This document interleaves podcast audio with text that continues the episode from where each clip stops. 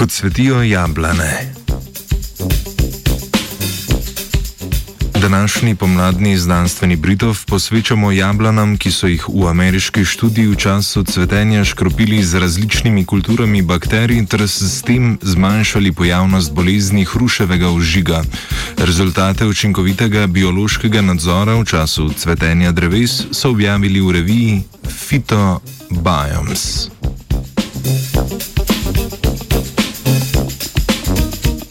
Cvetovi dreves poleg opraševalcev privabljajo tudi različne mikroorganizme, ki so lahko za drevesa koristni ali pa povzročajo bolezni.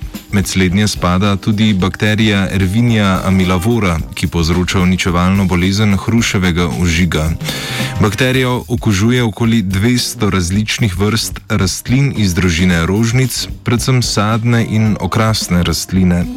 Bakterija lahko v rastlino vstopi tudi prek cvetov, zato v času cvetenja gostiteljskih rastlin obstaja velika nevarnost razširjanja bolezni.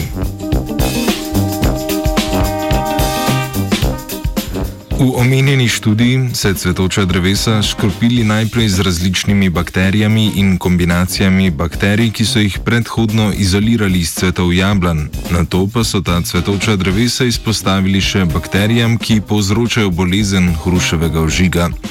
Sledilo je opazovanje bolezenskih znamenj na drevesih in analiza mikrobioma vzorčenih cvetov različno tretiranih dreves.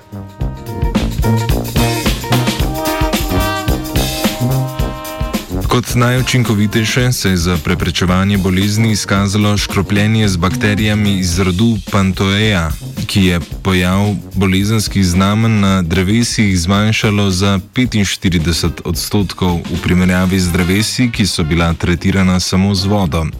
Omenjene bakterije so kolonizirale strukture cveta in spremenile njegov mikrobiom na način, ki je zmanjšal možnost za okužbo in tako predstavljal učinkovito obliko preventivnega biološkega nadzora.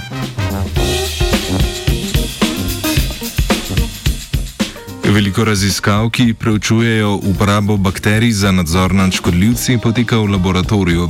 Omenjena študija pa je bila v veliki meri izvedena v sadovnjaku, s čimer je potrdila tudi kompatibilnost uporabljenih bakterij z naravnim rastlinskim mikrobiomom ter približala rezultate potencijalni uporabi v kmetijstvu.